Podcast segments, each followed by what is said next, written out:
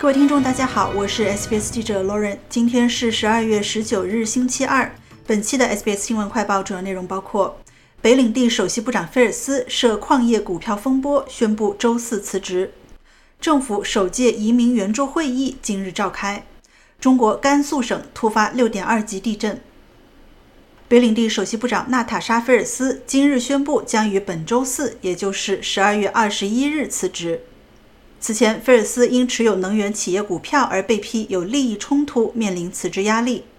他在周二下午的新闻发布会上表示，自己未能申报在 South Thirty Two 公司中持有的七百五十四股价值近两千五百澳元的股份，而该公司掌管着格鲁特岛上的一座锰矿。菲尔斯在新闻发布会上说。There's no point dragging it out. I made a mistake. There is no excuse for that. 没必要再拖下去了。我犯了个错误，没有任何借口。我承认错误，我承担后果，这样做才是正确的。因此，本周四我将正式辞去北领地首席部长一职以及其他的部级职务。多年来，社区成员一直呼吁政府测试格鲁特岛矿场对健康的影响。今年早些时候，同时兼任北领地卫生厅长的菲尔斯表示，政府将不会对空气污染水平或健康影响进行调查，称已经进行了充分的检测。菲尔斯持有股票的消息曝光后，引发了北领地反对党领袖菲诺基亚罗要求他辞职的呼声，并称持股一事涉及与财务披露和政府官方利益冲突指南相关的问题。这也是过去几个月披露的围绕菲尔斯的股票事件中的最新一起，菲尔斯也因此面临越来越大的压力。另一边，作为澳大利亚移民系统改革的一部分，联邦移民部长本周二与各州及领地的移民事务负责人举行了移民圆桌会议，以解决关键技术领域的人才短缺问题。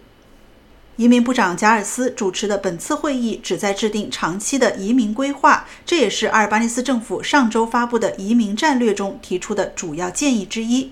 该战略认为，联邦政府目前每年确定永久移民规模的做法，并不能带来最佳的结果。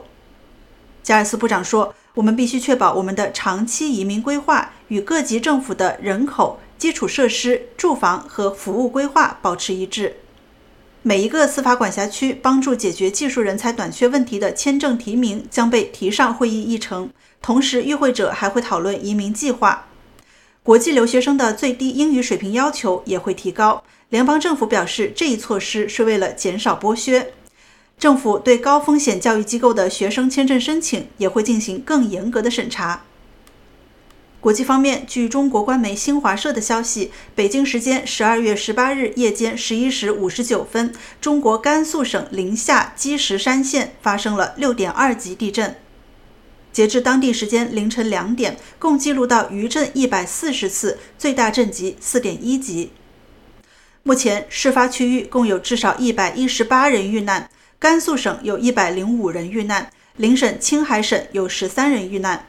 超过三百人受伤，数千房屋损毁，部分水电、交通、通讯等基础设施也受损。新华社官员表示，有关当局正在该地区展开救援工作，以防止余震过后发生更多的灾难。